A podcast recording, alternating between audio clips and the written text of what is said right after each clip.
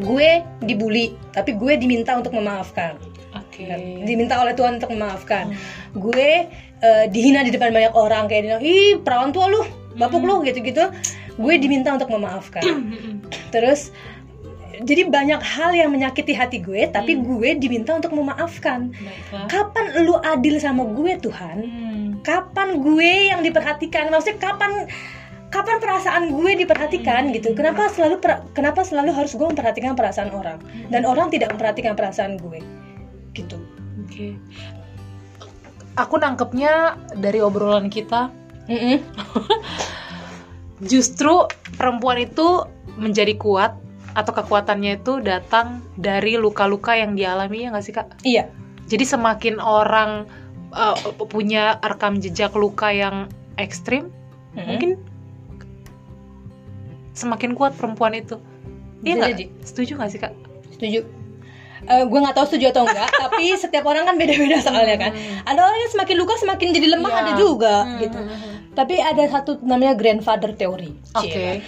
Aduh. Aduh, enggak enggak enggak berat berat banget. Ini sebenarnya mungkin lu pernah denger sih kayak gue lupa spesifik eh, detailnya apa, tapi pokoknya garis besarnya adalah teori ini bilang kalau lu kembali ke masa lalu, mengubah masa lalu, apakah lu akan mengubah itu?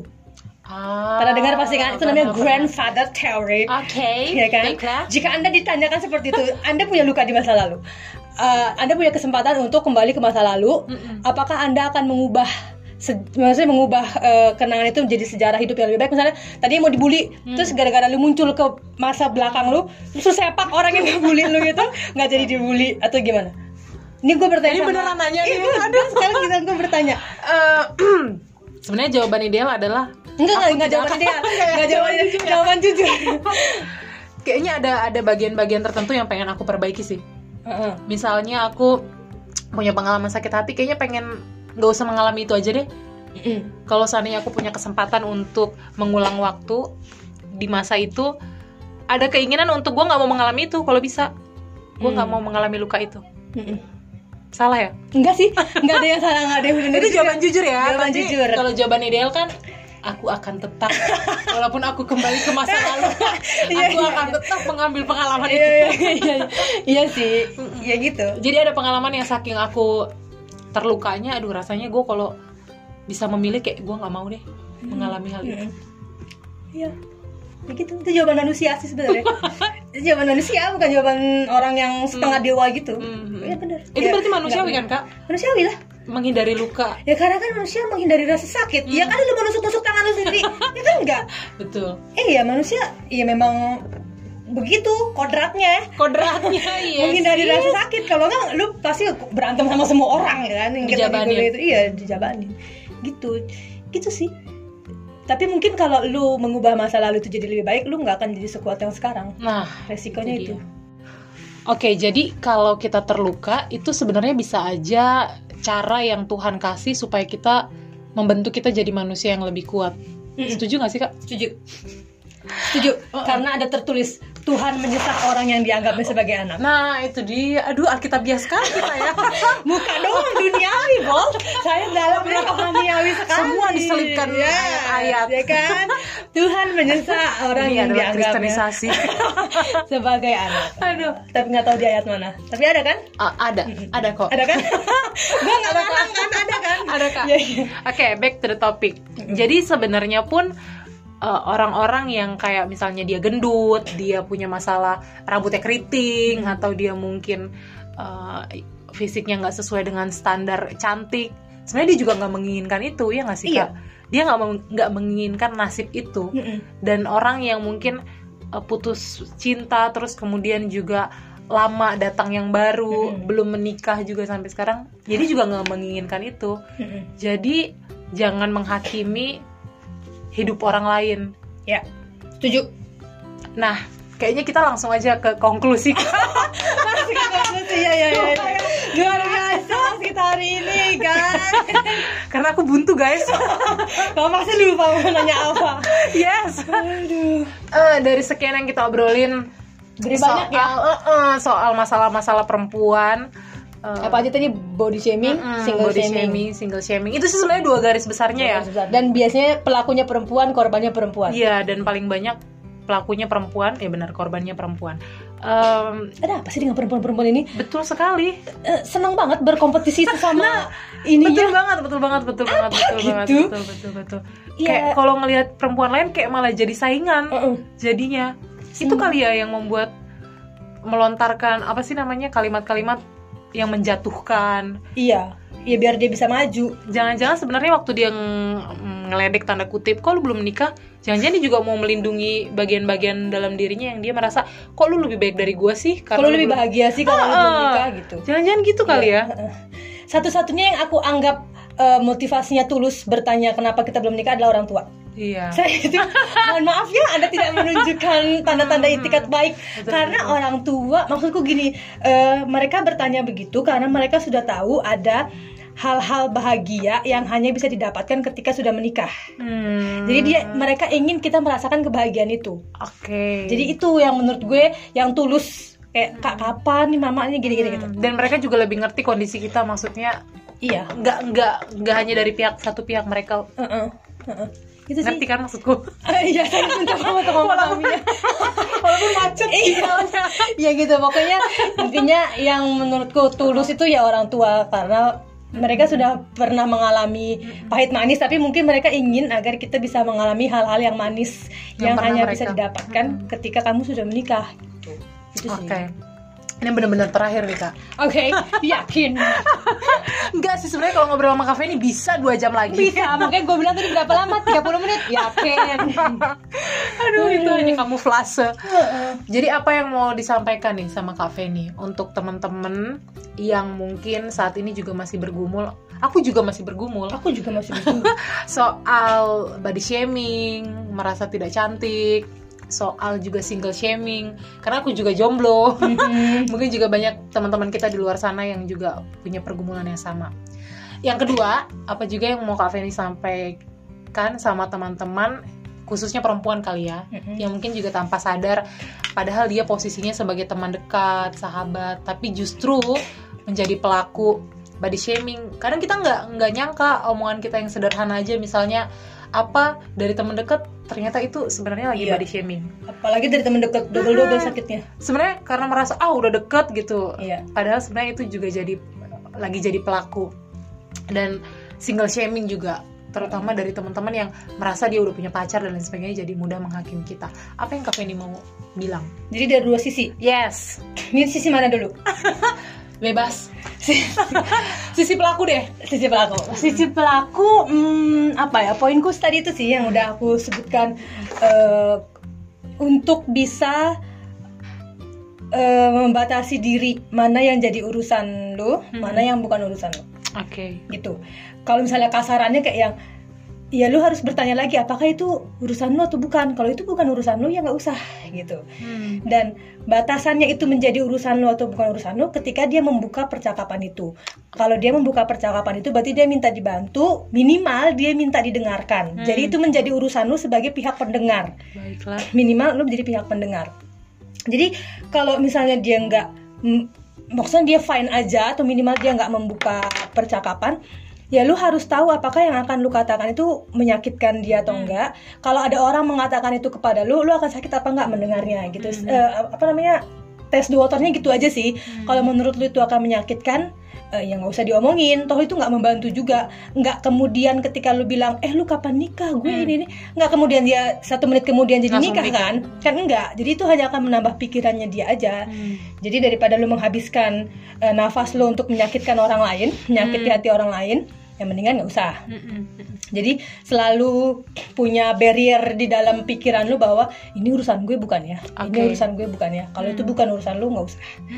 Ya gitu. Jadi sebenarnya itulah waktu di mana silent adalah diam adalah emas. Jadi lebih baik lu diam iya. daripada daripada napas lu sia-sia dan lu Iya. cuma nambah musuh doang Hmm, gitu karena lu nggak tahu apa yang berdampak buat orang itu bullying bullying kayak gitu. Tidak tahu apa yang akan dia lakukan setelah dia menutup pintu kamarnya gitu kan. Betul betul. Kita nggak tahu dampak dari omongan kita.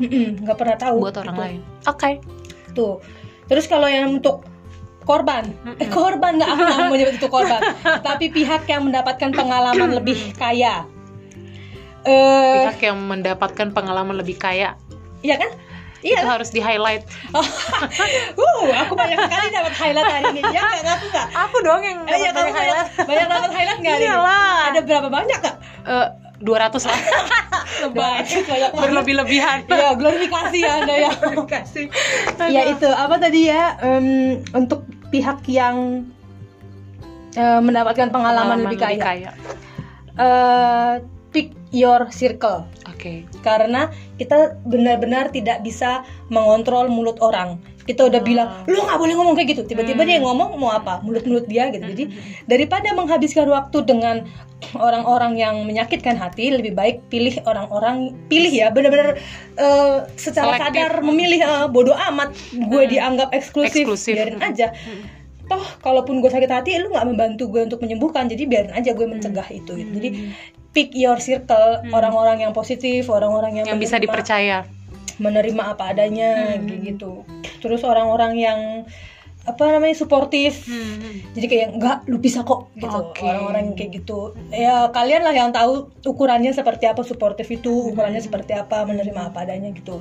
Itu sih. Karena itu biasanya akan jadi itu tadi eh, kalau yang tadi itu barriernya harus di dalam pikiran ini adalah yang fisik oke jadi mereka yang akan mengcounter hal-hal negatif ketika lu udah nggak mampu lagi Hmm. eh, meyakinkan diri lu tuh atau membuat diri lu merasa positif mereka biasanya akan membantu itu. tapi itu dalam upaya mencari pertolongan berarti ya kak Iya, dalam upaya mencari pertolongan dan lu harus mau ditolong. Hmm, Gitu. betul Intinya adalah itu. Kalau orang lu- sakit harus mau dikasih obat Iya. harus mau di hmm, harus mau disembuhin tapi sebenarnya kalau teman-teman lagi ngalamin hal ini jangan membuat kita merasa waktu kita terluka jangan berkutat di perasaan gua kok seolah-olah gue memang berhak untuk disakiti enggak. Iya, itu pasti pasti ada sih. Perasaan itu intimidasi pasti itu. Heeh, pasti ada. Memang gue mungkin patut disakiti kali kayak kayak gitu. Itu pasti ada, cuma ya proses sih sebenarnya. eh eh, terus ini apa namanya ketika lu dibully atau di body shaming atau apalah atau orang yang berkata buruk gitu coba pikirkan hal baik tentang orang itu. Sumpah? Sumpah. Kirain aku kirain aku kamu mau ngomong coba pikirkan hal baik dalam diri lu. Ternyata adalah sombong banget anda. Ternyata dalam diri orang itu. Iya. Misalnya sulit loh kak. itu dia tapi itu tantangan yang dibanding maksud gue lu harus menyibukkan pikiran lu dengan hal-hal yang begitu dibanding Yang lu positif. mengisi pikiran lu dengan makin merendahkan diri lu sendiri gitu loh oke Jadi lu harus eh, bukan lu harus disarankan untuk misalnya si A ngebully lu di depan teman-teman yang lain gitu. Coba pikirkan apa hal positif yang pernah dia lakukan terhadap lu. oke Itu akan membuat setidaknya eh, efek buruknya berkurang gitu. Ah, tapi dia baik juga kok kadang-kadang gitu loh. Minimal kayak gitu. Jadi eh, itu membuat itu salah satu Lebih- obatnya juga Iya. mengurangi sakit uh, membuat lebih lego uh, membuat lebih sadar bahwa orang ada baiknya ada buruknya gitu. Memahami bahwa setiap orang kadang bikin salah kadang tapi baik juga kok gitu. Jadi melatih diri sih untuk melihat hal positif di orang itu sehingga efeknya nggak terlalu nggak terlalu apa namanya parah. Kalau emang udah menurut lo harus diomongin ya diomongin. Hmm. karena gue akhirnya pernah sampai akhirnya gue harus ngomongin ini gitu dan eh, ya udah akhirnya gue ngomongin tapi note-nya adalah empat mata aja. Ah. empat mata nggak usah empat orang empat mata. Banyak ya, Empat. sis. Eh, nggak butuh saksi-saksi nggak butuh. Converse. Konvers iya ya jadi empat mata aja lu omongin bahwa lu bilang bahwa misalnya Dian perkataan lu tadi menyakitkan hati gue. Ah. lu harus literally ngomong itu jadi dia paham bahwa lu sakit hati. Tapi susah tau kak. Itulah kadang Aku- waktu kita udah sakit hati ngeliat mukanya aja enak sumpah Iya, kan tadi Anda bilang berdasarkan pengalaman kan? Oh, iya, Jadi iya. saya berdasarkan pengalaman saya, saya melakukan itu gitu. gitu. Kak ini berhasil melakukan itu karena Iya, nggak semua berhasil. orang bisa berhasil melakukan itu Oh iya nggak tahu, tapi Iya kan? aku begitu. Hmm. Jadi saking enggak nih, gue harus ngomong nih, gue harus ngomong. Karena gini, begitu lu memberanikan diri untuk ngomong, itu berarti lu sudah gue bisa melampaui semua kelemahan-kelemahan gue untuk Hmm. berani ngomong ke dia. oke gitu jadi lu tidak minder Hmm. kayaknya ntar gue bakalan nggak didengerin nih Hmm. kayaknya ntar gue bakalan dicuekin nih gitu Hmm. tapi dengan lu berani ngomong itu lu satu satu tahap lebih berani Hmm. untuk untuk apa untuk berubah atau untuk ya gitu deh. Memperbaiki. Memperbaiki gitu. Jadi be brave. Be brave yes. Apa mau, mau, nyanyi pakai lagu lupa dah gue ya pokoknya itu. Minta jadi maaf ini. gitu. jadi tapi lu harus literally bilang bahwa lu sakit hati atas omongannya dia. Jadi dia jadi dia sadar. Jangan eh jangan gitu kayak ngomongnya gitu. Tadi emang nggak apa. Biasa aja kali lu aja baper gitu. Ah, ntar pasti oke. akan ke situ. Tapi kalau lu bilang gue sakit hati tadi lu ngomong kalimat ini bahkan lebih jelasnya gitu terus pasti kan dia akan denial ya lu aja gini gini gitu gitu. Ya udah yang penting lu bilang dan itu nggak jadi numpuk jadi penyakit di apa di hati. Hmm. mau dia berubah syukur berubah syukur kalau dia mau jadi malah menjauh ya udah. Yang penting gue udah ngomong gitu karena menurut gue setelah gue mengalami banyak sakit hati sekarang yang penting adalah hati gue. Iya itu agak agak egois sih cuma maksud gue tapi enggak lah. Itu upaya kita menjaga menjaga kesehatan itu upaya gue agar gue tetap hidup hmm. gitu karena kalau gue terus-terusan ikutin perasaan negatif pikiran negatif ya mati gitu Hmm, hmm, hmm. jadi itu jadi sekarang yang penting adalah hati gue Hmm. jadi kemampuan mengolah mengolah itu ya kak rasa sakit mengolah bagaimana rekonsiliasi juga nggak sih ke Iya, orang yang jadi waktu kita udah sanggup tapi kita sanggup rekonsiliasi sama dia waktu kita udah juga sanggup berdamai Iya. dengan diri kan kak Ha-ha. Pertama-tama semua adalah dengan diri Dengan sendiri. diri sendiri. Hmm. lu apa tadi Em, ya pokoknya Mm-mm. lu menerima itu dulu biasanya sih tahapannya kalau gue ya Hmm. itu lu menerima bukan menerima lu menyadari kalau lu terluka Hmm. itu pertama ah, anjir kok gue ini nih Hmm. kayak jekit gitu di hati gitu. Lu menyadari kalau lu terluka. Terus terus agak lama dan lu mengidentifikasi lu kenapa terluka oleh Hmm. siapa kenapa bagaimana gitu gitu. Baiklah.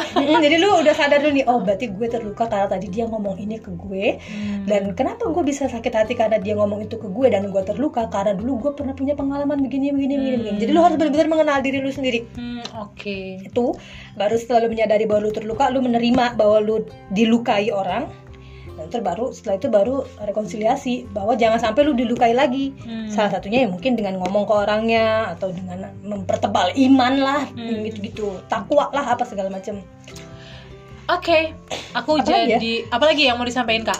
Em, Apalagi sebentar, apalagi? sebentar It's okay, it's okay. Mm, mm, mm. Oh terus soal pernikahan pernikahan tadi itu Heeh.